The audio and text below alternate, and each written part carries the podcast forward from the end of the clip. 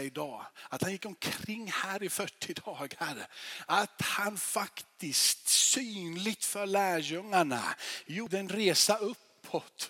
Och han har deklarerat jag ska sätta mig på faderns högra sida. Ni behöver inte vara oroliga på något sätt. Han är konungarnas konung och herrarnas herre. Det är i alla fall ett väldigt bra skäl för att prisa honom. Konungarnas konung och herrarnas herre. Okay. Och återkomst till härlighet. Och när jag kommer där så, så jag, alltså, jag tror att vi, vi, vi har så mycket tankar om detta. Så, så, så vi, vi, liksom, vi fastnar i det som vi fastnar i dom. Eller vi fastnar i någon konstig variant av att, att det ska bli jobbigt. När du, du, du själv, när du firar nattvard, om du är med här i den här församlingen, så säger du ditt ja och ditt amen till att vi firar. Varje gång vi har varje tisdag och en gång i månaden på söndagar så firar. Vi, blir inte, vi är inte ledsna och gråter för att han ska komma tillbaka. Vi firar hans återkomst i härlighet.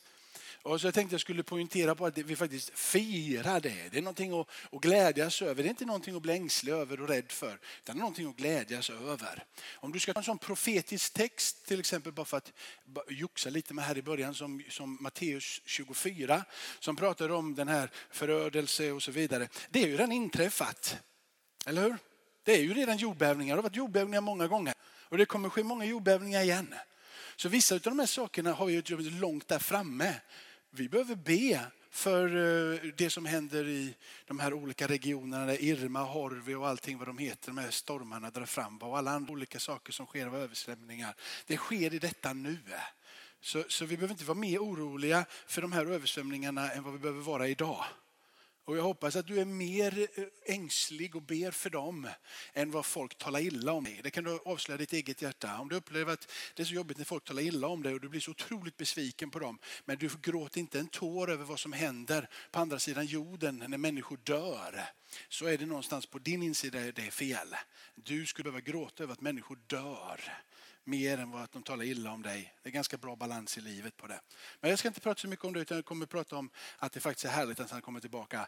Eh, ni har stått upp så många gånger, annars bör man rent krast stå upp när man läser Guds ord. Men du ska få sitta ner, men du ska få läsa med mig.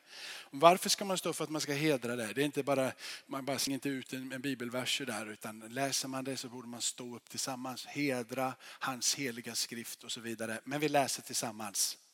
Den kraft lät han verka i Kristus när han uppväckte honom från de döda och satte honom på sin högra sida i himlen. Högt över alla härskare, makter, krafter och herradömen. Alla namn som kan nämnas, inte bara i denna tidsåldern utan också i kommande. Och allt folket sa amen. Jesus blev uppväckt ifrån de döda. Allting är över honom. Versen efter säger att allt är lagt under honom. Profetia uttalad ifrån psalm 8. Allt är lagt under honom. Det är därför som du kan bli frälst. För allting är lagt under honom. Om du vill ha en förklaring till vad, vad, hur kan man bli frälst? Där är anledningen till att du kan bli frälst. Att han dog. Hans fader, våran fader, den enda sanne levande guden uppväckte honom ifrån de döda. Och han har blivit satt på faderns högra sida och allting som finns skapat i himlen och på jorden. Änglaväsen eller furstar, människor eller babianer. Allt är lagt under honom. Inte bara i den här tidsåldern utan också i den kommande. Det betyder ju att var och hur du än, på vilket sätt du än vill säga att den här världen är under den ondes våld som vi ger uttryck för. Djävulen är ju inget rytande lejon som går omkring tandlös. Utan han är ett rytande lejon med tänder. Vi ska inte gömma oss i, i någonstans att han inte kan komma åt oss, för han kan komma åt oss. Men vad vi ska komma ihåg, det är att allting är lagt under i denna tidsåldern och i den kommande. Du och jag och ingen behöver någonsin gå omkring och vara ängslig. För i Jesus Kristus finns den fulla kärleken, den fulla glädjen, den fulla friden och all nåd för att upprätta dig och mig om och om igen. Amen. Ska vi ta lidande? Jag, jag älskar personligen den versen som står här i brevbrevet. Låt oss blicken fäst på Jesus. Är det inte det som är ett problem ibland? Att vi snuddar bort våran blick. Att vi faktiskt väljer ibland att eh, kanske fokusera mer på det som är problemet än han som skulle möjligtvis kunna vara lösningen för dig och mig. Är det inte så att vi faktiskt ängslas över det som är ett sidospår? När vi vet att både i denna tidsåldern och i den kommande tidsåldern så är han konungarnas konung och han är herrarnas herre. Och jag menar inte som något falskt mantra. Jag ska säga något som kanske en del tycker är jobbigt, men det, är på det här sättet. Om du tar din bibel och du läser den här bibeln så här, vad du än läser för någonstans. Så, så, tyvärr så förändrar inte den dig. Jag vet att det är jobbigt för en del att höra det, men det är sant. Du skulle vända, vända teolog som har läst Bibeln skulle vara totalt Det Det räckte bara öppna den här. Den här boken är ingen magisk bok. Så bara för att du läser den så får du ett förvandlat liv. Om du har den undervisningen i dig så behöver du radera ut den. Det är inget magiskt ord som förvandlar dig bara för att du läser den. Men om du tar den här boken till dig och du börjar praktisera vad den här boken lär så förvandlas du. Om du tar den här boken och du läser den här boken du tar till dig det som finns i den här boken och du börjar leva ut det som den här boken lär dig hur du ska leva så förvandlas du. Det är en stor skillnad på att säga jag bara läser den här så bara blir det en ström inom mig. Bara halleluja, bara det händer. Bara, det, det är känslor. Bibeln är menad att gå ifrån både hjärta och huvud ut i dina händer. Han lämnade himlen, det är därför han kom, för att lida. Han kom för att anta en tjänares gestalt. Han kom för att göra ett verkligt arbete och inte gå upp i facett i tungor eller någonting, även om det finns en gåva given som pratar om tungomålstal. Han gjorde ett verkligt arbete med ett verkligt liv, med verkliga tårar, med ett verkligt slit. Vad tröga ni är, ni fattar ju ingenting. Det är ju det han säger Jesus. Hänger ni inte med mig? Förstår ni inte vad jag säger? Hur ofta ska jag förklara det här?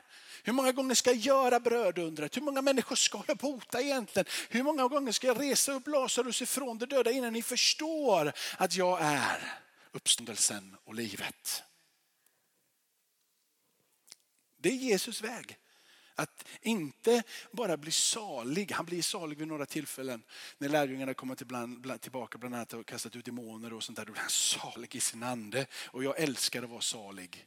Det finns inget ljuvligare än att känna att man bara, mm, mer utav det. Men det blir inte livet. Kan aldrig bli livet.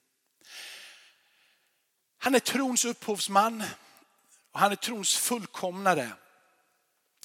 Du vet att, bara för att poängtera det här med Bibeln igen då. Alltså, om du kan läsa eller inte läsa så spelar det ingen roll. För det som den här Bibeln berättar förvandlar dig ändå. Om du tror. Så om du kan läsa eller inte läsa så förvandlar det som står i den här boken dig ändå. Och varför förvandlar den här boken dig ändå, även om du kan läsa eller inte läsa? Jo, för att det var en verklig händelse som hände för 2000 år sedan. Det var en verklig person som dog och det var en verklig person som uppstod. Så det spelar ingen roll om du förstår den här boken eller inte förstår den här boken. Han dog lika mycket ändå och det är verkligheten som förvandlar dig. Och det är lättare att förstå det på det sättet än när jag sa att inte den här boken förvandlar dig. Den här Jesus dog här och sen så kom boken. Eller hur? Så du behöver, sanningen att han uppstod från de döda och det finns en frälsning fanns innan boken fanns. Alltså är det som hände viktigare än den här boken och inte tvärtom. Så om du inte förstår den här boken så bara säga, jag fattar ingenting. Gör inte så mycket ser du. Det spelar inte så stor roll. Han är trons upphovsman, inte Paulus som har skrivit mycket här som en del nu som lagiskt följa Paulus. Paulus är inte trons upphovsman. Jesus är trons upphovsman. Han är den som fullkomnade det, inte Paulus eller någon annan utav, utav apostlarna eller så. Han fullkomnade. För att nå den glädje som låg framför honom så gjorde han det. Han uthärdade han korset. Han uthärdade korset. Han brydde sig inte om skammen. Han led för dig och mig det som var omöjligt för lagen, svag som det var genom det kötsliga natur, det gjorde Gud genom att sända sin egen son som syndoffer. Till det yttre, lik en syndig människa, i hans kropp fördömde Gud synden. Han led. 33 år eller vad det nu liksom någonstans där var. Han led alla dessa 33 år. Det var en evig, det var liksom inte bara en enda eh, lång resa på Golgata den här sista långa fredagen. Utan det var en lång fredag, hans 33 år. Han gjorde det för dig och mig. För att vi inte skulle behöva lida utan för att du och jag skulle kunna ta emot hans liv. Därför så kan vi sjunga, det är ett skäl till att prisa Gud. Och du, vad, gör man med, med, vad gör man med musik till exempel? Vad gör man med lovsång? Vad gör man med, med vad, vad är det? det? det? är ett uttryck för att du igenkänner någons högre värde än dig själv. Det finns någonting som är högre än dig själv, någonting som är mycket mer vackrare än vad du är. Och då så kommer, jag gillar ju inte musik så mycket, jag sätter, sätter jag på någonting hemma som så jag trodde inte änglarna fanns, men så mötte jag dig. Och så där. Det, det, liksom, det, jag, jag sätter aldrig på lovsång, för jag, jag går inte igång på det. det är inte min, jag går igång på det här, det går jag igång på, då blir jag alldeles pirrig i kroppen. Eh, jag, det finns många andra saker som jag går, jag går igång på när vi, när vi får höra det som Alma berättat. Ni har stått här ute med korv och joxat och, och, grillat korv och hållit på och sen så får ni samtal med någon och så sitter ni. Det går jag igång på, då känner jag att nu gör vi rätt sak. Men vissa inom kyrkan går igång på musiken och tycker att nu gör vi någonting som är rätt och riktigt. Nu gör vi det. Det här är fantastiskt bra. Det är så här man ska göra det. Och de som gillar det, de får gärna hålla på med det. Men titta inte ner mig för att jag tycker om att ge ut korv. Eller hur? För att jag gillar att göra någonting med mina händer. För att jag gillar att, jag, jag tycker, jag, liksom, jag, kan, jag kan inte bara stå där och sjunga, jag får panik i slutändan. Jag kan klara en gudstjänst. Liksom. Sen så tycker jag nu har vi sjungit färdigt, nu gör vi någonting istället.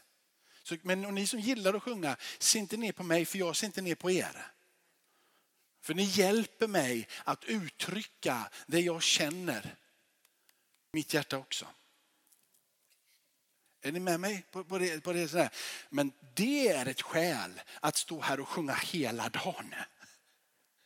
Det är bara jag i min personlighet som är otålig. Jag kan inte det. Nu tar vi vidare för nu stannar jag för länge vid varje punkt här. Jag skulle inte stanna så länge på lidande.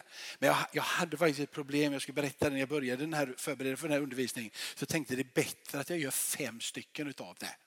Så, så jag pratade en söndag om varje ämne, men så tänkte jag då är jag inte klar förrän liksom nästa år.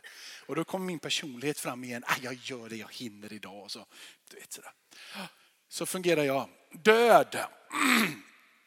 När nu barnen hade fått del av kött och blod tog själv på liknande sätt del av detta. Det, är ju bara, det bara ryser i kroppen. Han tog del av detta.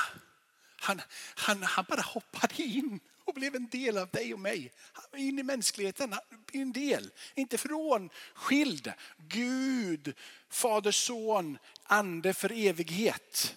Utan han väljer att bli en del med dig och mig i denna tidsåldern. För att genom sin död, det var ett fokus på dö. Jag vill bli en del av kött och blod för att dö. För att jag ska göra den maktlös som hade makten över döden. Alltså djävulen. Ja, du. Man brukar säga så här att döden är det som tar bort din synd. Uppståndelsen är det som gör dig, eller att anden kan flytta in i dig, rättfärdiggörelse. Vi går inte in på, på det idag. Men, men här, där, han var tvungen att dö. Han var tvungen att dö. Och eh, jag, tror, jag tror i mina papper här så eh,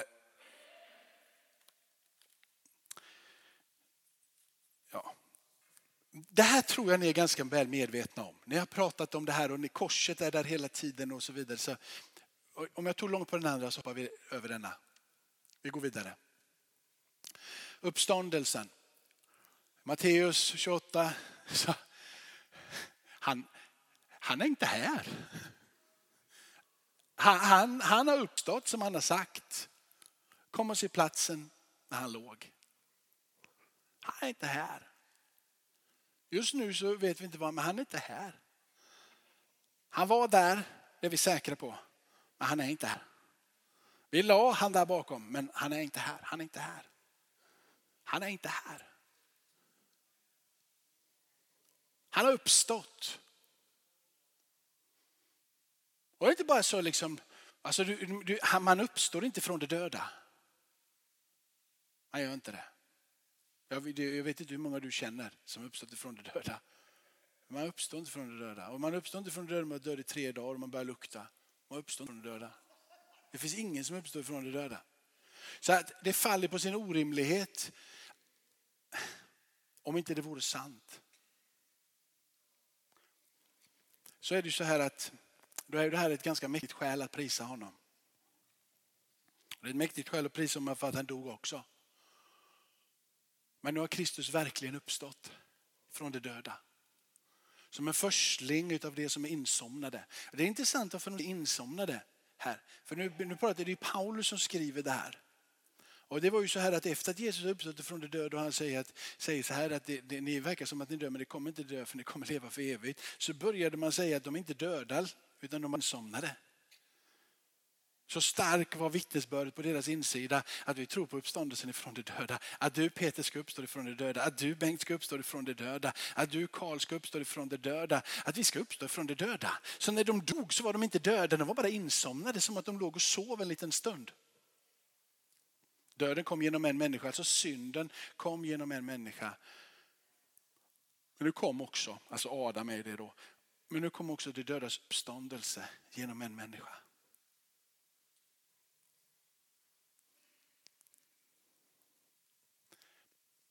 Jag vet om du, om du sitter någon gång i en kyrka och du blir irriterad för att folk vill sjunga lovsång för att han har uppstått ifrån de döda. Så måste jag säga att det är fel på dig och inte de som sjunger lovsången. Det måste, på riktigt. låt säga att det är banala sånger. När Jesus rider in på en häst, en åsna är det ju va? I, i, i, på palmsöndagen här då. Du vet att de upprepar samma sång om och om, om igen. Det är ganska tafatt liksom. Hosianna i höjden och vi sjunger den. Vi, vi, vi upprepar den här en gång om året och vi sjunger oss leda på den. Jag gillar det. Jag gillar ju när det är struktur på det. Jag gillar ju kyrkoåret generellt. Så jag gillar ju upprepning. Jag tror upprepning formar oss. Jag tror på upprepning. Du som är, du är SM-brottare. Hur många gånger har du gjort något av de där kasten? Ja, precis. Gjorde du det en gång och sen så bara ställde du dig i ringen där och bara, det här kan jag. Nej. Hur många gånger gjorde du det? Precis tusentals gånger. Upprepning, upprepning, upprepning. Och vad formade det dig till? Brottare. Ja. ja. Så när vi upprepar oss så kan det ibland låta väldigt tunt. Men upprepningen formar dig. Jag vet att det låter jobbigt för vissa då, för man har pratat så illa om det. Men slappna av det, för jag tycker också det är tråkigt. Så man kan vara avslappnad i man kan tycka att det är tråkigt. Jag tycker det är tråkigt. Men det betyder inte att det är helt fel. Bara för att jag tycker det är tråkigt. Va? Att sjunga om hans uppståndelse, det är ett av de dessa tusen skäl. Om inte du kan, kan bara känna en glädje över att han har uppstått ifrån de döda och sjunga, kanske en hel dag bara för det. Bara för, att, bara för det. Observera, då sitter jag sån här och så vill jag gå ut därifrån. Men det är mer fel på mig där än det är på dig. Lovsången Musiken går till hans ära. Frälst, han har frälst dig och mig. En del av uppståndelsen ligger där i. Okej, okay. ska ge ett skäl till då? Vi tar nästa. Himmelsfärden, medan han välsignade dem så lämnade dem. Så lyftes han upp till himmelen. Vilken syn. Han står där och håller på. Så bara lämnar han dem. Det är så konstigt. De lämnar honom och vi vet det för vi läser apostlagärningarna att de tittar upp och så var det änglar där och så vidare. Men det jag tycker är fascinerande är att de, i detta nu när han lyftes upp och så vidare. Det första de gör är inte gå ut och hjälpa den fattige. Det första de gör det är att de går och tillber. Det är det första de gör. Så det första de gör är att de tar fram sin lilla gitarr eller plinkar lite. Och så vänder de tillbaka till Jerusalem och, och så börjar de ständigt i templet prisa Gud. Och jag gillar ju inte detta. Min personlighet gillar inte detta.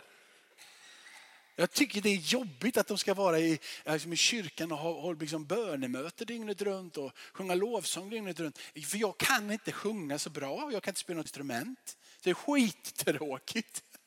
Ja, på riktigt. Det är tråkigt. Jag kan inte spela. Hade jag kunnat spela en gitarr och få stå här och sjunga, det var jätteroligt. Spela för er. Det var jättekul. kunde jag hålla på med hur länge som helst. Men jag tröttnar, för jag är ingen musiker. Betyder det då att det är fel? Nej, rent bibliskt så betyder det att det är hyfsat rätt. Och de var ständigt i templet och de prisade Gud. Sen hände någonting och så fick jag vara med. Sen. Det var när de började göra något. Så där och hålla på och be hela tiden och sjunga lovsång. Då får man göra någonting. Vet du. Det gillar jag. Okej, okay. och var han vägen då? Det är det som är det stora. Vad tar han vägen? Det läste vi från Efesierbrevet. Han tog vägen rakt upp till Fadern och sätter sig på Faderns sida. Han är delaktig idag. Han är konungarnas konung, han är herrarnas herre. När du tänker på himmelsfärden, då ska du tänka på den kung som en gång ska komma, den är han nu. Han är inte offerlammet idag. Han är konungarnas konung, han är herrarnas herre. Han är mäktig över allt. Det är vad han är idag och ingenting annat. Så när du möter någonting som du är rädd för så har du en konung som sitter på faderns högra sida som känner dig, som har dött för dig, som har uppstått för dig, som lever för dig. Denna stund. Om du bara fick blicka in i himmelen för en enda sekund och du fick se han på, på faderns högra sida. Så du, det finns ju ingenting i den här världen som du skulle vara rädd för. Det här mina vänner är någonting att prisa dig salig varje dag. Det här ger kraft till livet. Det här ger dig motivation att stiga upp på morgonen. Om Gud frälste dig genom hans lidande död och hans uppståndelse, du kunde inte göra någonting åt det. Han frälste dig och det är första delen av den frälsningsverk som pågår. Du kunde inte göra någonting, men nu kan du vara med. För nu så sitter han på tronen och är konungarnas konung och herrarna herre. Det är därför som vi får all kraft att kunna gå ut på gatan och hjälpa människor. Det är därför som vi sitter här och sjunger. Det är därför som vi fortsätter. För vi har en som är större än allting annat. Han är överallt. Från evighet till evighet. Han är trons upphovsman, han är trons fullkomnare och i hans namn så måste allting böja sig. Namnet som är över alla andra namn. Ja, halleluja ska vara en brottare för att säga halleluja.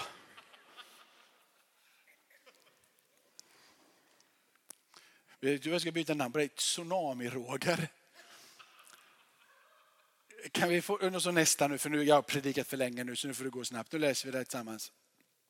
Och den kungen som sitter på tronen, han ska du inte vara rädd för när han kommer tillbaka ser du. Är du på det? Du ska inte vara rädd för att han ska komma tillbaka. Du ska glädjas över att han vill komma tillbaka. För det skulle vara jobbigt här om han inte kommer tillbaka. Om han inte kommer tillbaka så har du väldigt, väldigt, väldigt mycket att vara ledsen över. Men när kommer han tillbaka ska du vara väldigt, väldigt glad. Och du ska längta till den dagen han kommer tillbaka för det är en jublande dag. Den dag vi ska möta honom. Det är då han kommer med alla sina mäktiga änglar alla mäktiga änglar. Han kommer i skyn med alla mäktiga änglar. Han bara kommer där för att plocka upp dig och mig så att du och jag ska vara med han ifrån evighet till evighet. Det är en dag att jubla över. Det är en dag som borde motivera dig att gå ut på gatan. Det är en dag som borde motivera dig att stiga upp på morgonen. En dag som motiverar dig att sjunga lovsång. Att motivera dig att sträcka ut ett glas vatten. Det är en dag som borde göra dig det är ingen dag att rädd. All, om du rädslas för den dagen så är det för att folk har talat att du ska vara rädd för någonting. Men det är helt fel. Bibeln säger inte att du ska vara rädd för den dagen. Bibeln säger att du ska glädjas för den dagen. Bröder, Vi vill att ni vet hur det ska bli med den som har insomnat. Återigen, de är inte döda, de har bara somnat en liten stund. Så att ni inte sörjer som det andra. Det som inte har något hopp. Så det är kopplat med hopp va? Inte med att du ska bli deprimerad och ledsen. Eftersom vi tror att Jesus har dött och uppstått. Så ska Gud på samma sätt genom Jesus föra fram det insomnade tillsammans med honom. Vi säger detta enligt ett ord från Herren. Vi som lever och är kvar till Herrens ankomst ska inte alls komma före de insomnade. När en befallning ljuder, en ärkeängels röst och Guds basun. Då ska Herren själv komma ner från himlen.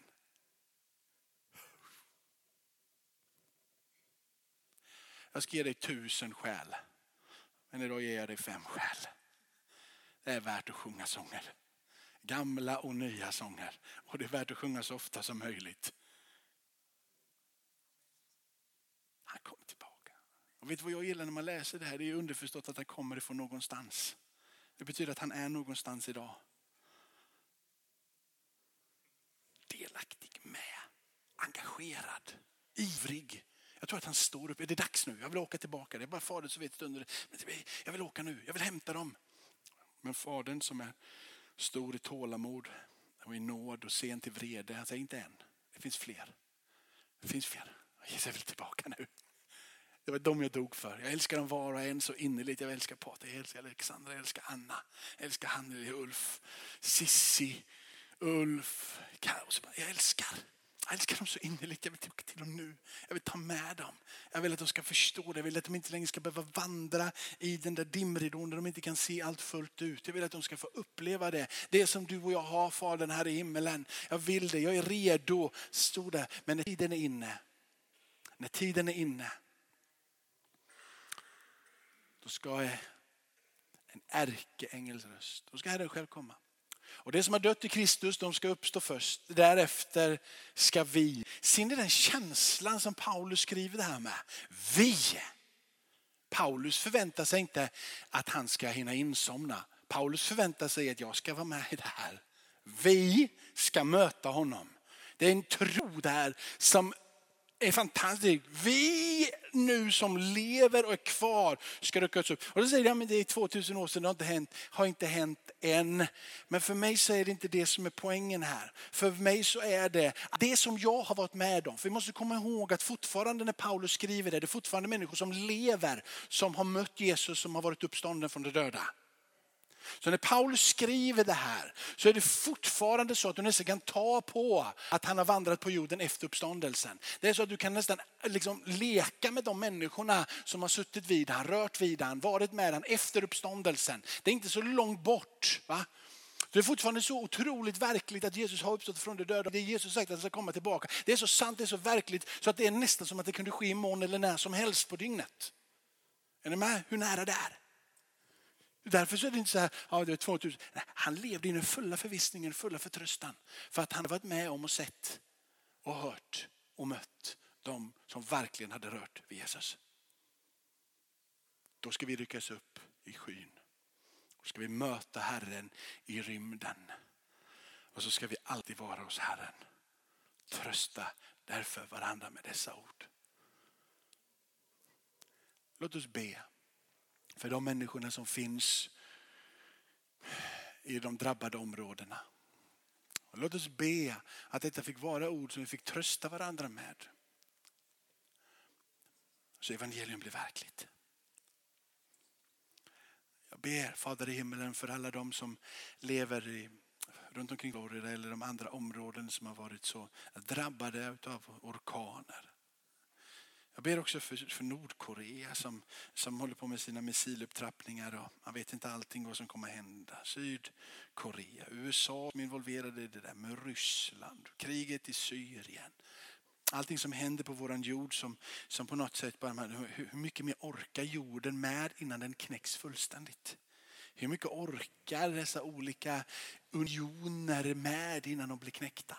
Hur mycket mer orkar dessa olika mänskliga samfund med innan de blir knäckta? Man bara undrar hur länge ska saker och ting orkas innan det knäcks? Därför så ber vi Herre. Jag ber för alla kristna som finns runt omkring i dessa olika områden och även här i Sverige. Låt dem få trösta varandra med dessa ord. Låt hoppet komma tillbaka. Att de har konungarnas konung på tronen. Att de kommer tillbaka till drömmen och hoppet och livet och synen av att Jesus Kristus ska komma tillbaka. Att du kommer precis i rätt tid. Att vi som är de som är inympade i dig genom tron på Jesus skulle få kraften över oss att förmedla det. Här på gatan. För när vi ser någon Jesus bli frälst till din, din äras skull så blir denna världen lite, lite mer brusten. Redo att ta emot dig. Det är vad det står. Att när fulla antalet har kommit, då är du redo. Hjälp oss Herre att hålla ut. Ge oss hoppet, ge oss kraften, ge oss förmågan, ge oss tron, ge oss längtan, ge oss livet. Jesus, i ditt namn är det som vi ber till våran Fader i himmelen. Fyllda och ledda av den heliga Ande. Amen. Amen. Ska vi sjunga några sånger och vill du bli frälst idag? För det passar sig att bli frälst på söndagar. Ja, det passar på måndag med. Men det är väldigt bra blir det på en söndag. Så, så är det så här, det enda du behöver göra egentligen det är bara att säga att jag tror faktiskt Jesus på det här konstiga. Ja, jag tror på det konstiga, jag tror på det här märkliga. Jag tror på det märkliga att du faktiskt har dött för mig och att du uppstått. Och det som händer när du tror att han har gjort det är att du börjar bli förvandlad. Hans liv kommer in i dig. Du blir, han blir inympad i dig. Herre, Herre. Om det finns någon här idag, Herre, som, som längtar så innerligt efter dig men inte vet hur den ska göra. Dra i dem. Amen. Om du är här och du har ont i kroppen eller du saknar hopp så vet jag att Sissi bad här innan tillsammans med, med Marie och med eh, Ingrid och jag var där och vi är flera som, har, som är, vi vill be för dig. Um, och sen så om du känner att du vill inte gå fram så går det bra att be där du sitter i bänkarna. Om du inte känner någon så frågar du först ifall det är okej. Okay. Och du som sitter i bänken och inte vill att någon ska be för dig, du säger nej det är inte okej, okay, be inte för mig. Och du blir inte mindre konstig utan du blir bra. Det är bra att säga nej. Du är som mig här som jag vägrar all den här lovsången hela tiden. Det är inte mig. Och du måste bara säga nej. Men det, du liksom kan ändå förstå människor som håller på med det. Vi hittar balans. Amen. Gud välsigne dig. Så söker vi Gud tillsammans. Varsågoda.